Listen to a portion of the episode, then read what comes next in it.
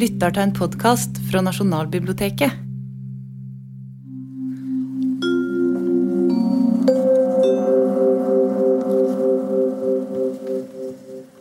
Hele denne sendingen kommer til å være viet ulykken i Nordsjøen, den største ulykken som har rammet Norge i nyere tid. Tallet på omkomne, overlevende og savnede har variert i hele natt og utover dagen. De siste tallene tyder på at så mange som 140 mennesker kan ha mistet livet. 89 har overlevd ulykken. Den mest omfattende redningsaksjonen vi noensinne har hatt, med 2000 mann, pågår fortsatt i håp om å finne flere av de savnede. Vi setter direkte over til vårt kontor i Stavanger. Helikopteret er stadig i lufta på leting etter overlevende. Og her igjen eh, restene av den veltede plattformen med det avrevne beinet i forgrunnen. Ingen kan forklare hvordan denne katastrofen har kunnet skje. Her og nå å drøfte hva som måtte bli konsekvensene av det som her har skjedd eh, for eh, vår oljevirksomhet i sin alminnelighet, eh, det ønsker jeg ikke å svare på. Vi må først få få avklart så langt som mulig hva som har skjedd, og så får vi trekke de nødvendige konklusjoner av det. 27. mars 1980. Plattformen Alexander Kielland, som ligger på Ekofiskfeltet i Nordsjøen, velter. 123 mennesker omkommer. Det er den største ulykka i norsk oljehistorie, og det er en av de største ulykkene i moderne norsk historie. Litt mer konkret. Cirka klokka halv sju høres det et brak i Nordsjøen. Bølgene står høyt. Det er storm den dagen. Fra Edda-plattformen så kan du se det ene beinet på Kielland. Kielland er en delvis nedsinka rigg med fem bein, en pentagon. Og det ene beinet løsner fra riggen. Den krenger, og i løpet av 20 minutter så går han helt rundt. Mennesker dør i det tunge redskaper og last kastes rundt i kinosalen og andre rom. Mennesker dør når livbåter knuses mot plattformbeina. Mennesker dør i det kalde havet, og mennesker er igjen inne i plattformen når han går rundt. Norge får, som dere så her, nyheten i begynnelsen av påsken. Og en sjokktilstand som varte i uker, måneder, år, og for noen hele livet, setter inn. Plattformen blir slept til land. En granskingskommisjon begynner arbeidet. Plattformen blir forsøkt snudd. Forsøket stoppes. Kommisjonens rapport kommer. En dårlig sveis fra det franske verftet som bygde den, får skylda. Plattformen blir foreslått senka. De etterlatte protesterer, og til slutt, etter to år, snus han i Gansfjorden i Stavanger. Den 18. november 1983 så senkes Alexander Kielland i dypet av Nestrandsfjorden på over 700 meters dyp. Dette er med sida av funnet av olje på Ekofisk i 1969 kanskje den mest betydningsfulle hendelsen i norsk oljehistorie. Og det er en av de største tragediene i moderne norsk historie. I serien Hendelsen så skal vi prøve å se hva ting har betydd i ettertid. For å forstå det må vi også forstå hva som skjedde i samtid. Og så er samspillet mellom den samtida og ettertida kanskje det som er nøkkelen for oss til å forstå hva ting blir. Bakgrunnen for det og at vi har denne serien her på Nasjonalbiblioteket, det er at vi har i vår samling dokumentert historien. Vi har lyden, vi har bildene, vi har filmen, vi har avisen, vi har kringkastinga, vi har alt det. Men disse tingene gir ikke mening uten mennesker. Og de gir ikke mening uten tolkning. Og i noen tilfeller heller ikke mening uten tidsvinner. Og Den muligheten har vi her i dag. Vi har invitert tre som kan mye mer enn meg om det som skjedde både i mars i 1980, i begynnelsen av påsken, og det som har skjedd de snart 40 åra etterpå. Og Tanken med samtalen er at de skal hjelpe oss å forstå mer av det bildene og teksten viser oss når vi leser kilder, granskingsrapporter eller annet. Jeg er veldig glad for at dere har kommet, og veldig glad for at dere vil være med. Kian, Maria og Thomas, gi dem en varm applaus til.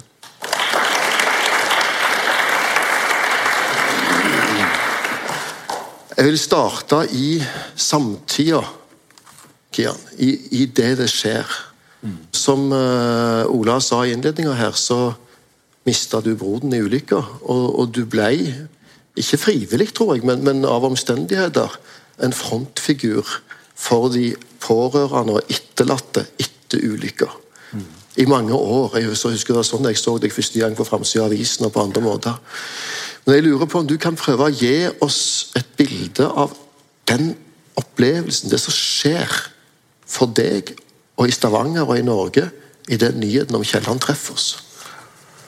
Ja, det som du sier, det var et sjokk for hele nasjonen. Og det var selvfølgelig enda mer et sjokk for oss som mista.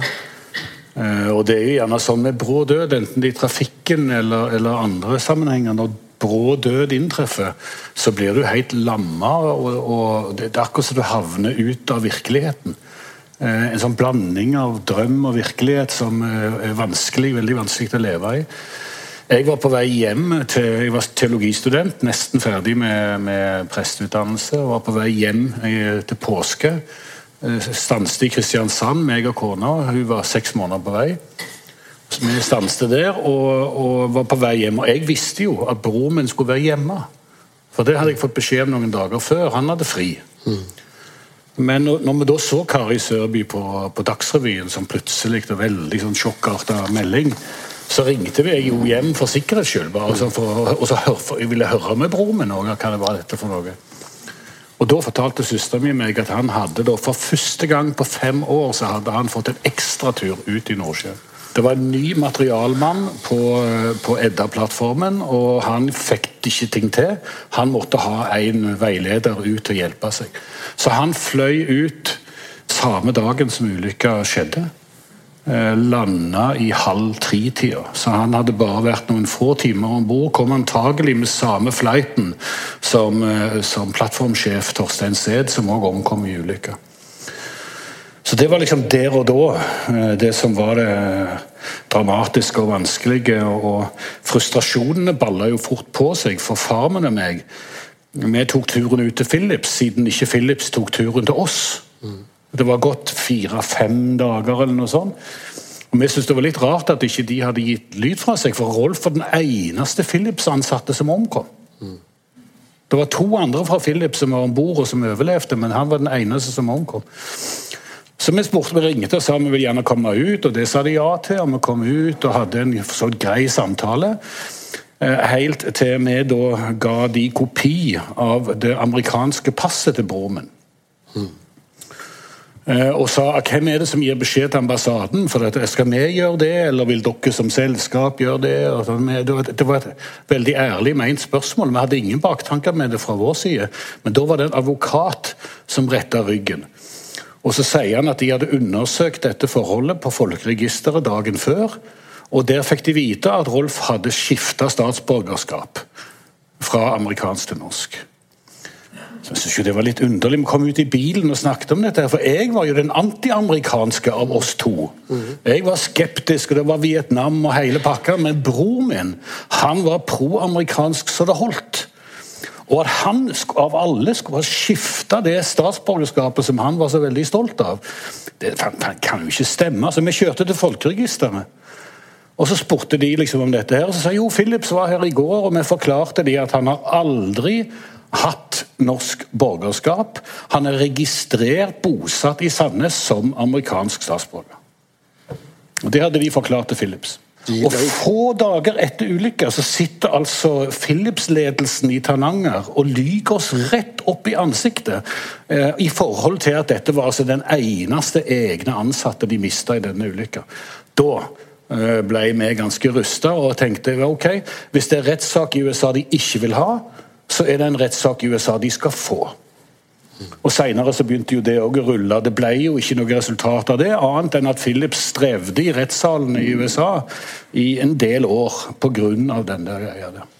Tror du, for at du er i en situasjon at du, du mista bror din, som du sier uh, Det fantes uten sammen for øvrig en sånn der spalte, ganske teit spalte i Dagbladet i mange år på Sporten, hvor de spurte hvor var det når Brå brakk staven. Ja. Som jo folk ikke er så opptatt av, egentlig.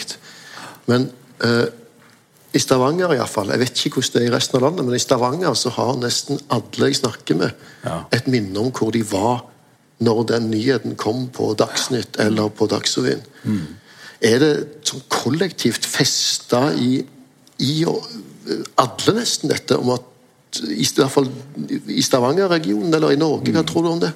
Altså i hvert fall De som har noen år på baken, de, de, de har nok den eh, sterke opplevelsen. Hvis de var ungdommer eller voksne på den tida, så tror jeg nok at de fleste har et, et, eh, har et forhold til det.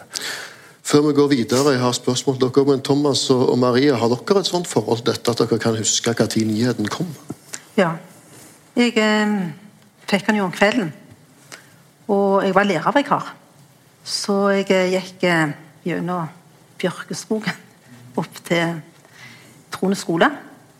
Og møtte inspektøren som sa det at eh, du må sjekke ut om det er noen unger her i klassen som er berørt. Det gjorde jeg. Det var ingen som var direkte berørt. Men dagen gikk jo med til å snakke om det.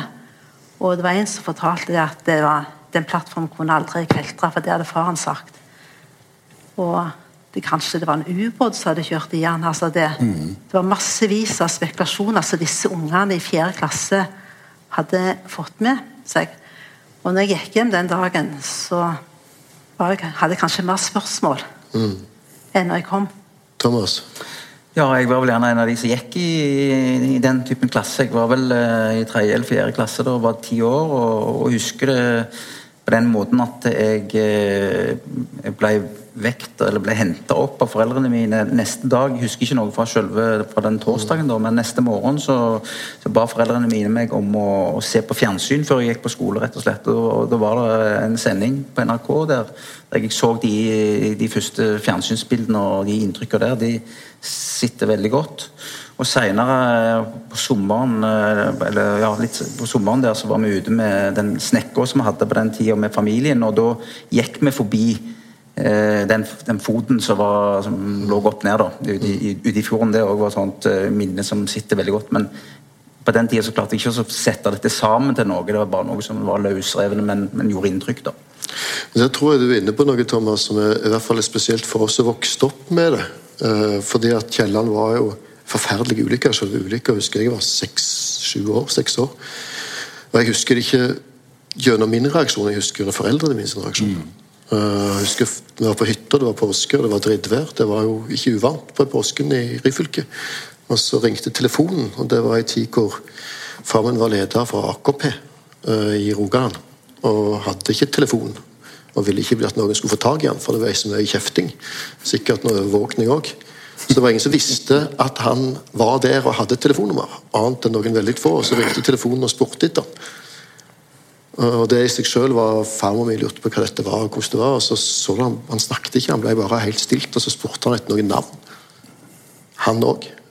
Og han òg. Og så begynte han å grine, og så begynte mor mi å grine, og så dro vi hjem. Og så husker jeg ikke noe av resten av påsken, men jeg husker det øyeblikket å se reaksjonen på foreldrene dine. Altså på, på betydningen det hadde. Men så er det neste for meg, det du sier, Thomas, at vi som vokste opp med vi vokste jo opp med å se resten av dette. Altså plattformen som dere ser der.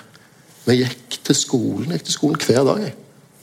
Første tre skoleårene mine og så på beina på kjelleren som lå der. Det var like naturlig for meg som å se siloer eller nærbutikken. Men Marie, eh, vi skal tilbake til øyeblikket og det som skjedde. Men du er historiker, og du har skrevet før du begynte å jobbe med Kielland, så har du jobbet med bl.a. minner og minoriteter og marginaliserte grupper og mye annet. Og så begynte du å jobbe for noen del år siden med, med de Kielland-etterlatte. Og minnene deres, de som hadde vært på plattformen og andre, for, å- for å samle en historie rundt det. Og så har du begynt å jobbe mer og mer med dette her, sånn som jeg har sittet og forsket på. Men jeg, jeg lurer du kan si noe om hvis vi går vekk fra selve hendelsen og øyeblikket og ser virkningshistorien det har hatt, hva slags betydning har denne ulykka hatt for norsk oljehistorie, tror du? Ja, altså 1980 Norge står jo i 1980 på steget til å gå inn i en oljealder. En har ikke En driver ingen oljefelt sjøl, men en bygger ut feltene. Og eh, her har han samla masse verkstedsarbeidere over hele landet. Som reiser ut og skal bygge opp denne industrien.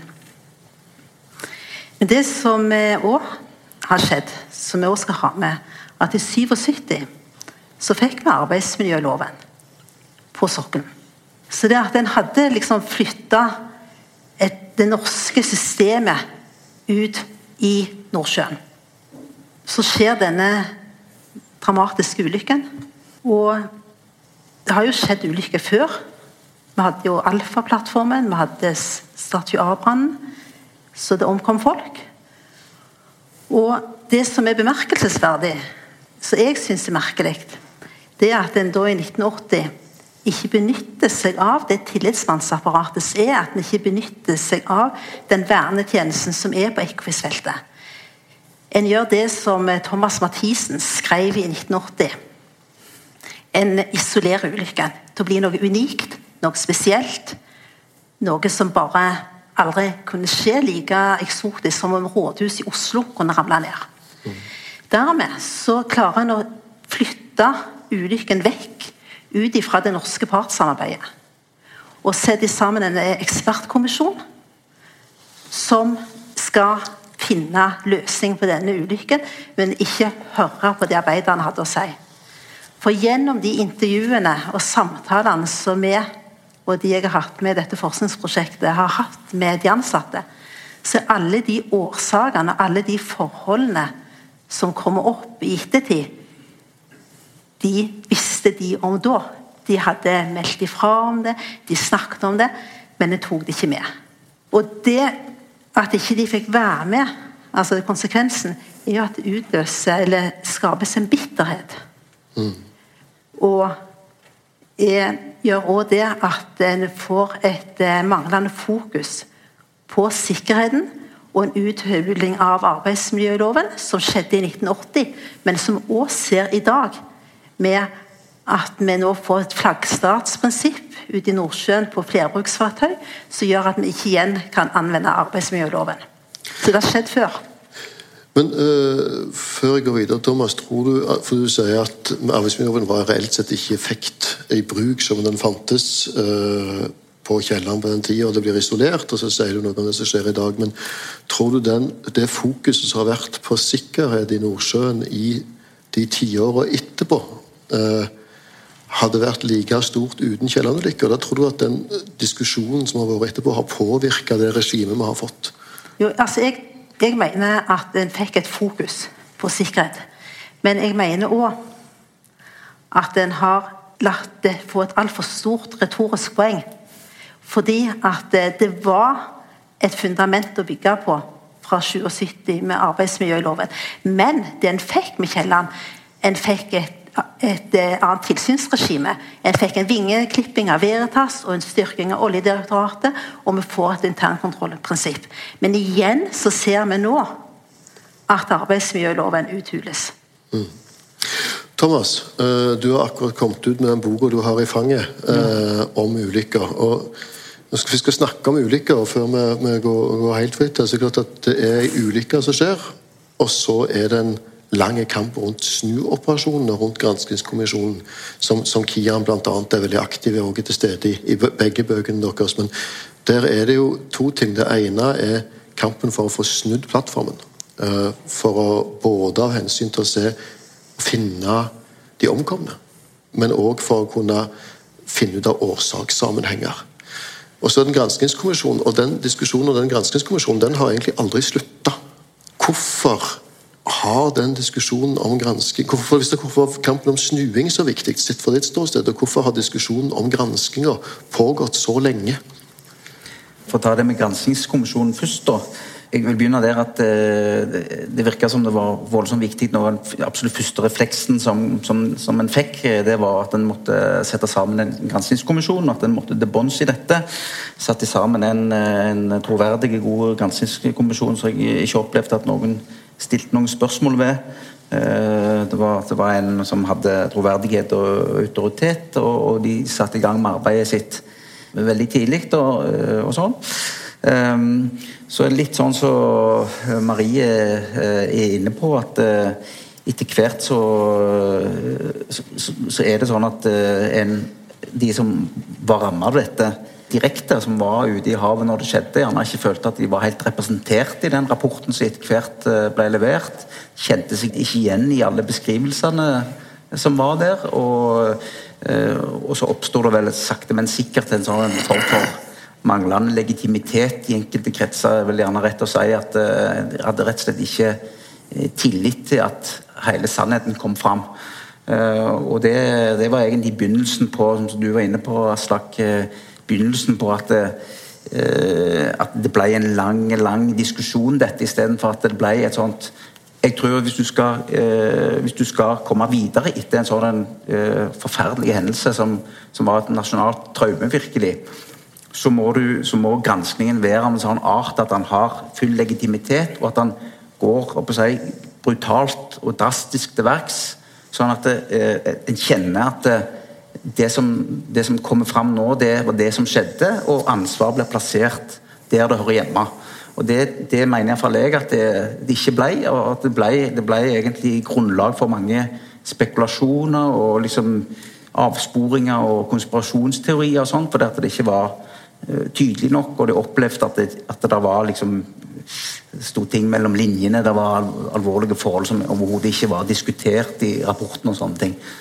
Når det gjelder snuingen, så var jo det litt samme si, dynamikken eller utviklingen der det begynte med at alle var enige om at eh, plattformen måtte snus. Og, eh, og en sikta seg inn mot det, og en eh, plukket ut de som skulle gjøre det, og, og sånn. Og så, så skar det seg. Eh, det lykkes rett og slett ikke med den første, første snuforsøket.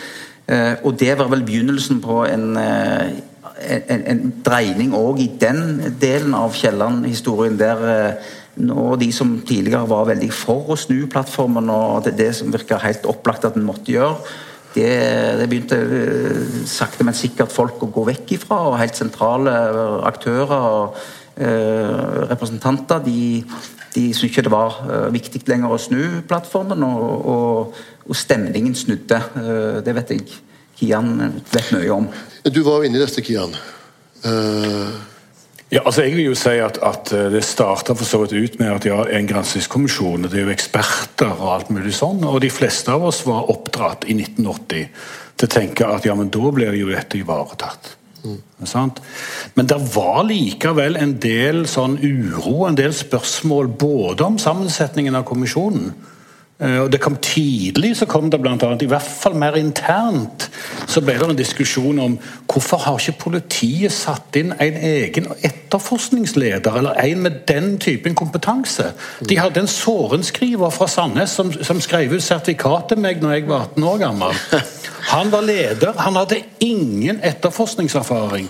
Og politiet satt helt på sida av kommisjonen og skulle nærmest vente på at kommisjonen skulle si til de hva de skulle etterforske. Mm. Det var jo sånn systemet var den gangen. Nå har vi jo mer sånn faste havarikommisjoner som bygger opp kompetanse over tid. Sånn flyhavarikommisjon har vi hatt lenge. Mm. Det hadde vi jo allerede da. Men andre typer ulykkeskommisjoner, det var adhoc. Det var altså Andreas Cappelen som satt på natta til 28. mars. Og Så eh, plukket han ut hvem han ville ha inn i kommisjonen, og så ringte han rundt til de, og i løpet av dagen etterpå så kunne han kunngjøre hvem som satt i kommisjonen. Mm. nå var det jo sånn at det var én i kommisjonen, nemlig han som var oppnevnt av LO. Mm. Aksel Kloster. Mm. Etter hvert når vi prøvde å få kontakt med kommisjonen, så var det bare ett kommisjonsmedlem som viste interesse for oss, og det var Aksel. Mm. Men når dere begynte dette arbeidet med å slåss for å få snudd plattformen, uh, som først skulle snus, bare så det er sagt, og det ble henta en amerikaner, det som kalles en original, uh, Scott Cobus, som egentlig det er litt uærbødig å si, men metoden han brukte, minner om de som har lest Donald-bladet når han prøver å heve en båten, putte pingpongballer nede i båten, så er det samme metodikken. Altså putte luftpudder inn for å flotere det opp. Det gikk sakte, sakte opp til 88 grader, og så vippepunktet 90. Hvis du kom over 90, så skulle han komme seg opp på egen kraft. For 88 grader så stoppet det, bl.a. fordi at Kian andre sa at eh, de tror at den vil knekke sammen og synke.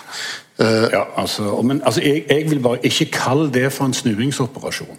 Det var et forsøk på å senke riggen. Ja. Enten i form av å få nettopp en stopp og en tilbakeføring, sånn at hele greia ble kansellert, eller i verste fall at riggen brøt sammen.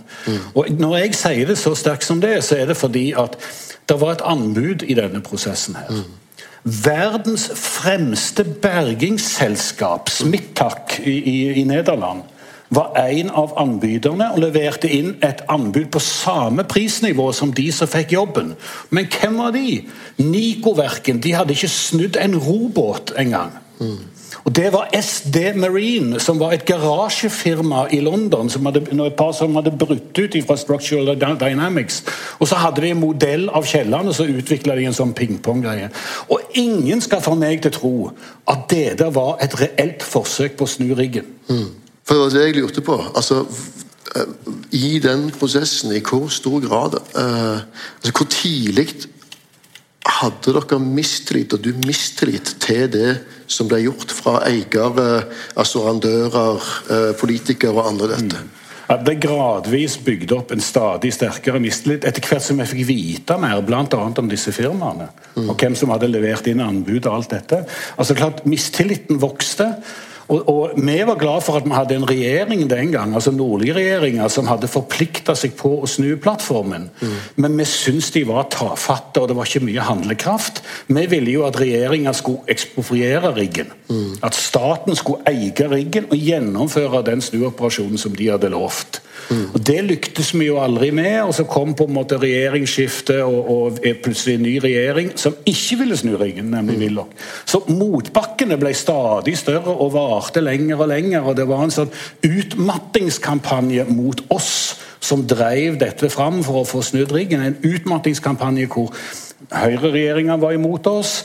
Det var altså eh, assuranseselskapene, rederiet, operatøren og til og med Granskingskommisjonen gikk ut i 1983 og sa vi syns ikke vi trenger å snu riggen.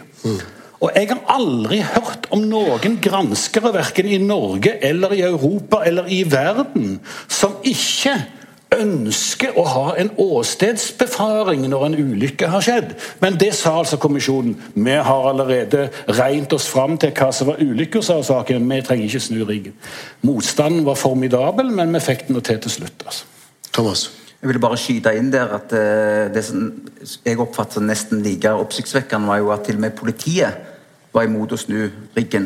De hadde jo en pressekonferanse litt før jul i 1981 der de gikk ut og sa at eh, de mente at de hadde funnet det de trengte. Og eh, eh, av hensyn til statskassen kunne de ikke gå inn for å snu, for det kom til å bli veldig dyrt.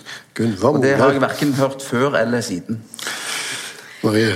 Altså, Når kommisjonsrapporten kommer, NOU-en, så er jo det en lykkelig slutt. Det er jo det beste eventyret som er lagd. All skyld for ulykken blir lagt i Frankrike. Det er en eh, sveisefeil som har medført et trøttesbrudd. Hva som lagde det trøttesbruddet, svarer ikke den rapporten på. Og med en sånn konklusjon så klarte den unge norske oljenasjonen den unge oljenasjonen, å legge alt ansvar, all skyld, ut for landet. Og for eierne var jo det en gavepakke. Det betyr at eh, med kommisjonsrapporten i bånn, så fikk eierne utbetalt forsikringen. Og eh, norske Og vi slapp oss å miste omdømmet. Så det at jeg skjønner godt at ikke en ønsker å rive mer opp i dette. Det, det synes jeg er interessant òg for dere som- er i salen, som kanskje ikke har lest dette. så er Det sånn at det ligger ute, i hvert fall uh, i bibliotek, så kan dere lese stort sett alle aviser for denne perioden. Klassekampen tror jeg ligger ute hjemme òg. Dagsaviser gjør det. Noe av det interessante når jeg leste meg opp på dette for et par år siden, når du leser avisdekninga uh, fra 1980 til 83 mm. Eh, så er det ulike ting som forteller deg at tid har gått. da. Og Det som var det mest overraskende for meg, det skulle ikke tro det, jeg er jo revolusjonær marxist og alt det der, men det er, er pengene. Altså, så kort tid etter ei ulykke, så kort tid etter at Kielland-plattformen, som jeg beskrev, som dere har sett, har gått rundt, så er diskusjonen som føres i avisene, det er spørsmålet om å få snudd denne plattformen sånn at den kommer i drift igjen. Så at eierne ikke skal tape penger. Det skulle være lønnsomt. Det skulle være lønnsomt. altså Lønnsomhetsaspektet, enten for assurandørene, altså en sånn gruppe av forsikringsselskaper som har forsikra installasjoner i Nordsjøen, eller for den, eh, det selskapet som òg er en sammenstilling av ulike kapitalinteresser som eier det, eller for Philips, som òg har satt i gang Det er også noe av det mest skremmende når jeg leser bøkene deres, som har satt i gang altså Edda-plattformen er en båreplattform. Alexander Kielland er òg en boreplattform. Men det ikke, ble ikke båret nok hull. Det ble ikke båret nok brønner, så de hadde investert i en rigg som skulle bore brønner. Og så var det ikke noen brønner å bore. Og Da fant de ut at hvis de patta sånne øh, stålutgaven av Moelven-brakker oppå boreriggen og gjorde den om til en boligplattform, så kunne de få, få den ut der med sida av. Når den har gått rundt, så setter Philips i gang igjen produksjonen på Edda-plattformen mens dykkerne er nede på bånn og ser etter omkomne. Sånn at de ikke kan se noen ting. Og se at vi finner ingen, for vi ser ingenting pga. boreslammet. Altså pengene Og dette er ikke skjult. Altså I dag så ville det, tenker jeg at det ville vært skjult, ville ikke sagt det høyt. Men her sier det jo aviser, stemmer ikke det? Men det gikk et års tid før det ble offentlig kjent. Men, men, altså Arne Jentoft og disse som representerte dykkerne i NOPEF, og sånn, han skrev jo sine rapporter på dette, og det er veldig godt dokumentert. Men medie, eh, medieopplysningene om dette fikk vi et års tid etterpå, og det husker jeg veldig godt. Fordi at når, når vi da snudde plattformene, det var bare seks omkomne om bord Alle vi som hadde savna folk, altså bl.a. min familie, håpte jo at han skulle bli funnet om bord. Men nå var det bare seks, og så kombinerer du det med den opplysningen, så vet vi altså at de andre 30 fikk sin grav i slam på rundt 70 meters dyp på Ekofisk. Og, og, og, i slam Ellers hadde de blitt tatt opp og blitt ført til land. Mm. Og jeg har samtidig alltid sagt at når riggen ble snudd og de omkomne som var om bord, ble tatt ut, da fikk bror min og hans kolleger en verdig grav på havet. Mm. Det uverdige lå jo at når du hadde fartøy som fløyt i overflaten, og som kunne snus, mm. så skulle du altså bare la senke hele, hele greia. Altså, de spurte jo til og med biskopen, altså regjeringa spurte biskopen om han kunne medvirke til en kirkelig seremoni i forbindelse med senkingen av plattformen uten å ta ut de omkomne. Og Da svarte Sigurd Lunde, godeste gamle Sigurd Lunde, at Den norske kirke ser på en sånn en operasjon som en krenking av de etterlattes rettigheter etter de sterke løftene som den tidligere regjeringen har gitt. Ganske solid. Jeg må nesten spørre deg igjen. Eh, nå, 40 eh, år etterpå, når Thomas skrev en bok eh, om eh, dette Maria har drevet et forskningsprosjekt som har bidratt veldig sterkt til at Riksrevisjonen nå skal se på granskingen på ny, mm. og se på den norske myndighetene sin, sin, måte å håndtere dette på. Og da må jeg spørre deg nå, nå 40 år etterpå, eh, har du tillit til de konklusjonene som granskingsrapporten kom til den gangen? Granskingskommisjonen gjorde en veldig god jobb på studien av det ene staget, altså av D6. Mm. Og at D6 hadde en utmattingssprekk, det mener jeg de har dokumentert over, ut, ut forbi all tvil. Det var ingen tvil. Det var enten allerede et fullt sammenbrudd, eller så var det stagen nær et sammenbrudd 27. mars. Den andre gode tingen de gjør, og litt sånn som en kommentar til, til Marie òg de leverte en lang rekke anbefalinger om bedring av sikkerheten i Nordsjøen. Mm. Så selv om vi har den faren hele veien, og det trykket til å på en måte legge til side arbeidsmiljølov, flerbruksfartøy osv. Vi har mange utfordringer. Hele veien er det et trykk på dette. Så tenker jeg at kommisjonen la fram anbefalinger som bit for bit ble eh, fulgt opp i eh, Nordsjøen etterpå, og som gjorde at Norge ble verdensledende på offshoresikkerhet. Det mener jeg vi skal være stolte av og glad for at kommisjonen gjorde. Men det de ikke gjorde det var å, vende blikket på andre årsaksforhold. Det er sånn som det står her i den der første boka som kom to uker etter ulykka. Så skriver han der Karl Martin Larsen han skriver store ulykker skyldes omtrent alltid en sammensatt, at det er sammensatte årsaker. Det er aldri én årsak til at en storulykke skjer. Det er alltid Lars Anders Myhre sa dette i 1980-1981, eh, lederen OPEF og, og sånn. Eh, men, men, det kommisjonen gjør, det er at de, de lanserer en sånn énårsaksteori hvor de plasserer, som Marie sier, alt ansvaret på franskmennene. Mm. Det var en oh, det var liksom en lettelse i det norske tror jeg, tenker jeg, det norske etablerte maktapparatet og oljeindustrien og det hele. En kunne legge ansvaret ut av landet. Det truer altså ikke videre norsk olje- og gassproduksjon. Og da, Thomas, uh, nå har jeg lest boka di, uh, som er baserer seg på journalistikk som Stavanger Aftenblad har gjort, og arbeid som Maria har gjort, og, mange andre har, gjort, men som er en veldig grundig gjennomgang av det som skjer, granskingen og de ulike teoriene rundt dette. Jeg har lest mye om kilesveis i det, i det siste. Men hvis du skal si litt kort, hva er det eh, granskingskommisjonen ser vekk ifra? Hva slags årsakssammenhenger, hva slags faktorer og funn er det man ser vekk ifra som er betydningsfulle? Eh, jeg syns at de ser altfor mye vekk fra operasjonelle forhold. Altså, de, de, de, de, studerer ikke hvordan eh, driften var, hvordan kulturen var om bord, og hvordan eh, de gjorde ting, enkelt og greit. De nøyer seg med å komme rekordraskt fram til denne her årsaksforklaringen som de til, til, slutt ender med. Den, den begynte de allerede konkludert etter fire-fem dager. De første notatene er nesten identisk med det de kommer fram til etter ett år. Mm.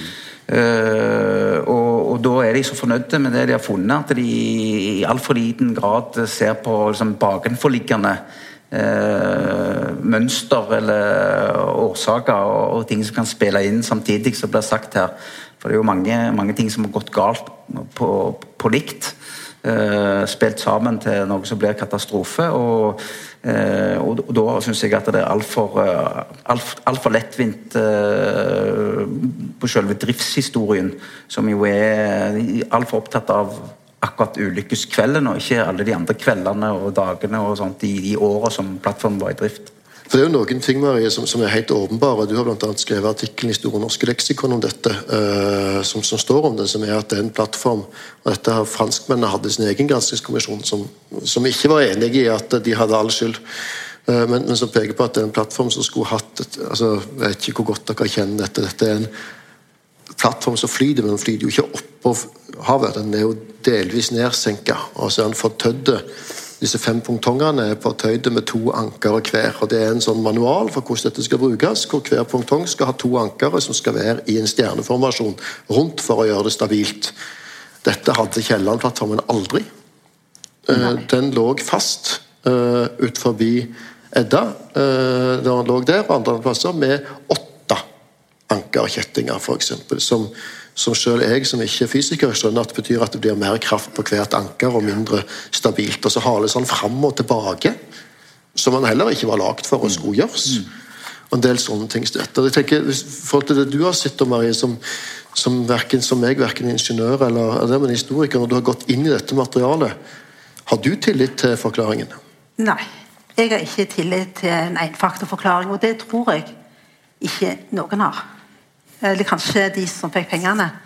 Altså, Det var en betimelig eh, forklaring. Altså, I dag så tror jeg alle vil hevde at dette er en sammensatt forklaring. Altså At det var mange forhold som spilte sammen, eh, som gjorde at det fatale skjedde den kvelden. Det er jeg temmelig overbevist om. Men eh, det du spurte om eh, eh hva som på en måte er underslått, så underslått veldig lenge, det er jo at eh, det ble også gjort en stabilitetsrapport. Eh, for det, det, som er spesielt, det er jo at Kielland mister en fot. Ja, han mister den femte foten. Men han går rundt som du også sa innledningsvis, på 20 minutter. Hvorfor går han rundt på 20 minutter? Jo, fordi at dører og skott og dører står oppe, og senere finner dykkerne ut at det var et skaft, et stag, sto åpent fordi at en drev med reparasjoner nede i det staget.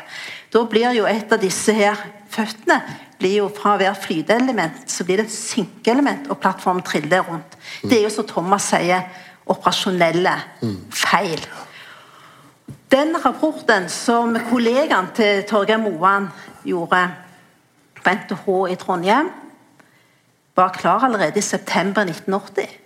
Men den blir klausulert og blir ikke tatt fram igjen før 5-36 år etterpå.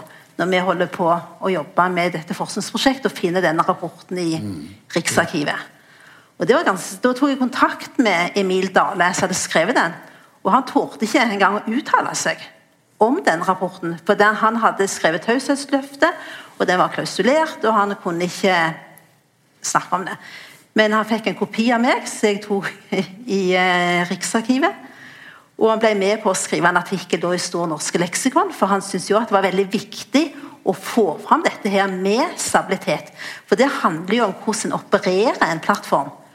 Og jeg syns det alvorligste med dette er jo at en underslo det faktum. Mm. Fordi at dette var jo noe en kunne jobbe i et arbeidsmiljø med å forbedre. Og så vet vi jo at to år etterpå så er det en plattform som går rundt utenfor Canada, mm. som må miste stabilitet. Og de evakuerer for seint, og alle 82 omkommer. En fikk en altfor mye diskusjon på den ene faktoren, altså denne sveisefeilen, og ikke, som må Thomas eh, eh, trekke fram, det operasjonelle. Som vi kunne gjøre noe med her og nå. Mm. Det syns jeg var veldig uheldig. Men det hadde kanskje betydd noe for økonomien til de eierne som fikk pengene igjen. Og når du er inne på økonomien her, Det er en annen interessant ting òg, eh, som jeg tror har noe å si for både hva som skjedde rent praktisk etterpå, men òg eh, følelsen av betydning som Kjell ikke hadde. Det at det var to plattformer. Tvillingene. Henrik Ibsen og Alexander Kielland som skulle ut her. Og Kielland skulle egentlig vært i land. Altså, det er jo noe av det som du er inne på, Thomas, at, at den har stått på overtid ute med Edda, for den skulle erstattes av tvillingplattformen og Henrik Ibsen, som mens Kielland var som det du har sagt, i Bangladesh Eh, så var Ibsen eh, Grand Hotell eller Hilton på, og skulle være en flott plass å bo og skulle ut. Og Så ble ikke den ferdig, eh, og så skulle han testes, og så kom han ikke ut. Og så husker jeg godt igjen fra Stavanger at den, den skulle jo da sjekkes for disse sveisefeilene. For å se om det var en tilsvarende bristbånd. Og de skulle da sandblåse sveisene for å få de rene, sånn at du kan se om det er feil.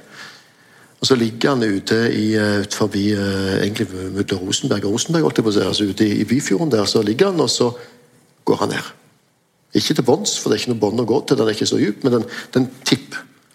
Eh, og har sluppet inn vann i et åpen luke etter at man har drevet og sandblåst og ikke visste. Mm. Og Dette er menneskelige feil, det er også dokumentert. Det var det som skjedde at det sto åpent. Men det synet så kort tid etter at Kielland har gått rundt, av at Henrik Ibsen òg ligger sånn. Det gjør det jeg, jeg, jeg tror dere må høre meg, jeg har rett, men jeg tror at det tar vekk noe av drømmen om å tjene store penger på disse plattformene videre. For da er tilliten brutt, er ikke det? Da kan du ikke bare si, selv om du kan si at granskningskommisjonen sier at det bare er ulykke, ja, men faen, den andre ligger jo òg sånn. Ja, dette var altså et rederi som hadde to fartøy. Og det var Kielland og Henrik Ibsen. Og Hvis det var noe som da skulle virkelig fått det ringe i, i bjella den gangen, så var det jo det hva slags selskap er dette? En burde jo stilt seg mye mer grundig det spørsmålet. Hva slags selskap er dette? Og Hvis, det spurt, hvis kommisjonen hadde stilt seg det spørsmålet, mm. så hadde de, hadde de sett det at dette er et selskap hvor verftet som tilbød opplæring av drift av riggen, de sa nei takk til den opplæringen. De hadde altså en, ingen skikkelig opplæring av noen av de ansatte i årene etterpå heller. Magne Kåre Sildeli kom om bord som ny kontrollromsoperatør. Ingen opplæring på forhånd. Han kom om bord og skulle begynne å jobbe samme kveld som han kom om bord. Dette er altså Stavanger Drilling. Veldig mye peker, mener jeg nå, tyder på at planene om å ta riggen inn til land for å omgjøre den til borerigg igjen og ta av containeren og alt dette. Planene der ble kansellert, men jeg mener at det kan dokumenteres. Planene om dette ble kansellert fordi at Stavanger Drilling holdt på å få en, en skikkelig krise. Hvis ikke de leverte Kielland på britisk sektor i april så ville den kontrakten ryke. Og sånn som riggmarkedet var da, så betydde det at Kielland ville gå i opplag. Mm. Så den eneste muligheten de var, hadde for å, for å levere Kielland til og Shell sitt oppdrag på en britisk sektor, det var å reparere provisorisk, det var å omdanne den til boreplattform mens han lå ute. Det var derfor det var så mange containere og boreutstyr som drepte folk. Det, det lå, de holdt jo på hektisk. Og så ser alt ut til at de òg sendte ut et par sveisere. Interessant nok en av de fra Nico-verken, dette her bergingsselskapet. Men eh, de sendte ut to sveisere ekstra. Eh, uten å registrere dem på helikopterflight. Og, og, de har altså Begge to omkom, og alt tyder på at de drev provisorisk sveisearbeid på selve strukturen. Samme dag som riggen havarerte. Og det skal mye til å si at det var en tilfeldighet. Jeg mener det er veldig mye som tyder på at dette her har en sammenheng. Jeg vil òg mene at eksplosjon i det firestaget er dokumentert. Det som ikke vi vet noe sikkert om, det var hva det var som utløste den eksplosjonen. Men det er klart når du har folk som jobber med sveising med acetylengass på, på stagene, bl.a. det ene staget jeg snakker om nå Altså Alt dette eh, skulle ha vært undersøkt grundigere. Og vi er opptatt av La oss få opp de tingene nå. La oss få fram sannheten, den mangfoldige sannheten om Kielland-havariet, sånn at uh, vi rett og slett kan gå videre med en trygghet på at vi kan stole etter hvert på, på norske myndigheter òg her. Nå er Kian inne på uh, noen av de tingene som, som, brenner mest, både i bok og de, i det som Maria jobber med, og òg for så vidt i avisene i ulike varianter i etterkant her. Mm. Uh, men det er vel òg, det må jeg nesten spørre deg om, Thomas, Jørgen, dette, det fins jo en sånn grense for der vi ser konspirasjoner, og der vi er konspirasjonsteoretikere. Uh, En del av de tingene som jeg også leste, var at det ble drevet narkotikasmugling eh, fra Kielland som base mot Norge. At den nærmest ble sabotert og sprengt med vilje og andre ting. altså eh, Hvordan er det å sortere det? Har du et bilde av holdt på å si, sannsynliggjorte ting og ting som var rykter og andre ting rundt dette? Eh, jeg har, har, vel vært innom det meste i boka, da, eh, men jeg har, eh, jeg har gått nokså raskt videre på det som jeg bare anser som, som rykter og, og, konspirasjonsteorier. For det, jeg tror det er nesten i denne typen saks natur at det oppstår konspirasjonsteorier. Særlig når han opplever at gjerne granskningen ikke, ikke går til bunns og ikke, ikke tar, tar, kraftig nok tak i, i det. Så, eh, så, jeg har egentlig holdt meg til det som jeg har klart å dokumentere. Så det har vært en kombinasjon av eh, muntlige vitnemål eller uttalelser fra de som opple faktisk opplevde det sjøl, og en kombinasjon med, med arkiver og uh, nytt, nytt, arkivmateriale som er blitt gjort tilgjengelig gjennom søknadsprosesser i, i arbeidet. Var inne på Ibsen og sånn, så det, og det som var typisk for uh, reaksjonen eller resepsjonen eller hva jeg skal si, i, i aviser og andre plasser, var at uh, det var liksom uh, nok et eksempel på at sånn, så, så, den avisa jeg jobber i, f.eks. sendte folk rett ned til Frankrike. Uh, Istedenfor å tenke at dette her det med liksom driften å gjøre, operasjonen å gjøre, og liksom det gjerne rederiet å gjøre, så tenkte jeg nei, nå, dette er jo klart bevis på at uh, dette er en elendig plattform. Så da var det var rett av gårde til, til verftet istedenfor. Uh, å gå i, så var det seinere det kom fram at det var en ren tabbe da, som, som skjedde uh, med Ibsen. Det er jo Altså, jeg tenker at noe av det som uh, helt klart står fram både i det samtidige materialet, i, i alle intervjuene som er gjort med de som overlevde, som var på plattformen, det de forteller, og det som, som ligger i boka di, og det som, som Kian forteller, at det det så ene dere sier at det er veldig mange årsakssammenhenger, men det andre er at dette er jo et det er jo en cowboyverden uh, ute i Nordsjøen fortsatt. Og det er en cowboyverden, iallfall på den plattformen her, hvor folk jobber for veldig som du sier, det, Philips, som er operatøren på, på feltet her, har én ansatt som omkommer, og to som overlever. Av de da over 200 som, som var om bord. Ja. Som var om bord. Og så er det utallige andre selskaper folk jobber for og leid inn fra folk du ikke vet hvem jobber, altså er der en gang, som ikke er registrert. som er på. En som sitter i kontrollrommet som aldri har vært på en plattform før, uh, men, men, som har kjørt båt.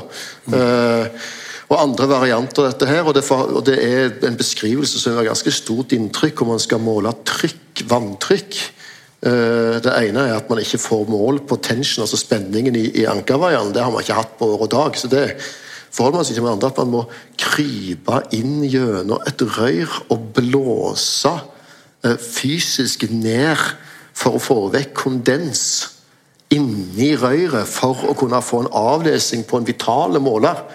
Eh, og at alle vet at det er sånn du må gjøre det. Ute i Nordsjøen, i plattformen, i dette. Altså det, det, det, er eh, Ja, det er en slags Texas i dette her.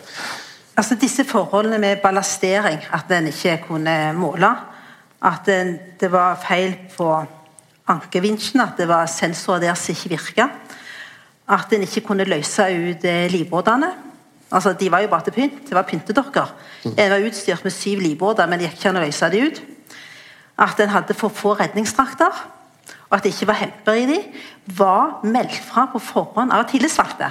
Mm. Det kommer også fram også i avhør, det kommer også fram i ettertid, men en tar ikke det mm. på hensyn. En tar ikke hensyn til det. Og, og det er det jeg syns er så feil i etterspillet av Kielland at en ikke benytter seg av det tillitsmannsapparatet en hadde, og det verne, eh, den vernetjenesten hadde, til å gjennomføre forbedringer og ta den kritikken at dette var en varsla ulykke. I tillegg har han god grunn til å tro, og det syns jeg er kjempealvorlig, at det var varsla om sprekkdannelser. Men, men, det er én ting for vi nærmer oss slutten her nå. Uh, og Du er inne på det, Marie, at du sier at uh, Arbeidsmiljøloven fantes der i 77. Den var der. Uh, og Det var tillitsvalgte, men de ble ikke hørt. Jeg er jo vokst opp med en oljeindustri eh, på 80- og ikke minst på 90-tallet og 2000-tallet, hvor du, så vidt jeg vet, som eneste plass i verden, eh, verneombudet har hatt muligheten til å stanse produksjonen på egen hånd. De stengte jo Nordsjøen i 78. Ja, hvis han eller hun mener at det skal gå an, og har gjort det gjentatte ganger, og gjorde det som du sier i 78, så kan, kan gå an å gjøre det. Eh, jeg lurer på hva minnet om Kielland har å si for bevisstheten rundt sikkerhet nå og i framtida. Det jeg tenker på, er at uh, ulykka skjer. Den preger oss. Uh, vi har han med oss, vi gjør endringer bevisst eller ubevisst. Mentaliteten vår endrer seg, ting skjer. Så blir vi eldre. Ja. Uh, barten er vekke, og håret er gråere, og, og ting skjer. ikke sant? Tida går. Og så, det håret mitt du mener? Ja, ja, nei, nei, det var Thomas jeg tenkte på. Eh, og så kommer det nye folk til som ikke har dette minnet. På en eller annen måte. For, for ti år siden så snart ti år siden så skrev jeg en artikkel i en bok eh, jeg skrev, som handla om død i Nordsjøen. Og oppvekst med det. Så reiste jeg rundt og snakket om det, og da opplevde jeg at jeg måtte minne folk på og jeg kunne fortelle om Alexander Kielland som om det aldri hadde skjedd. Og det var sånn Wow, for en historie! Er dette sant?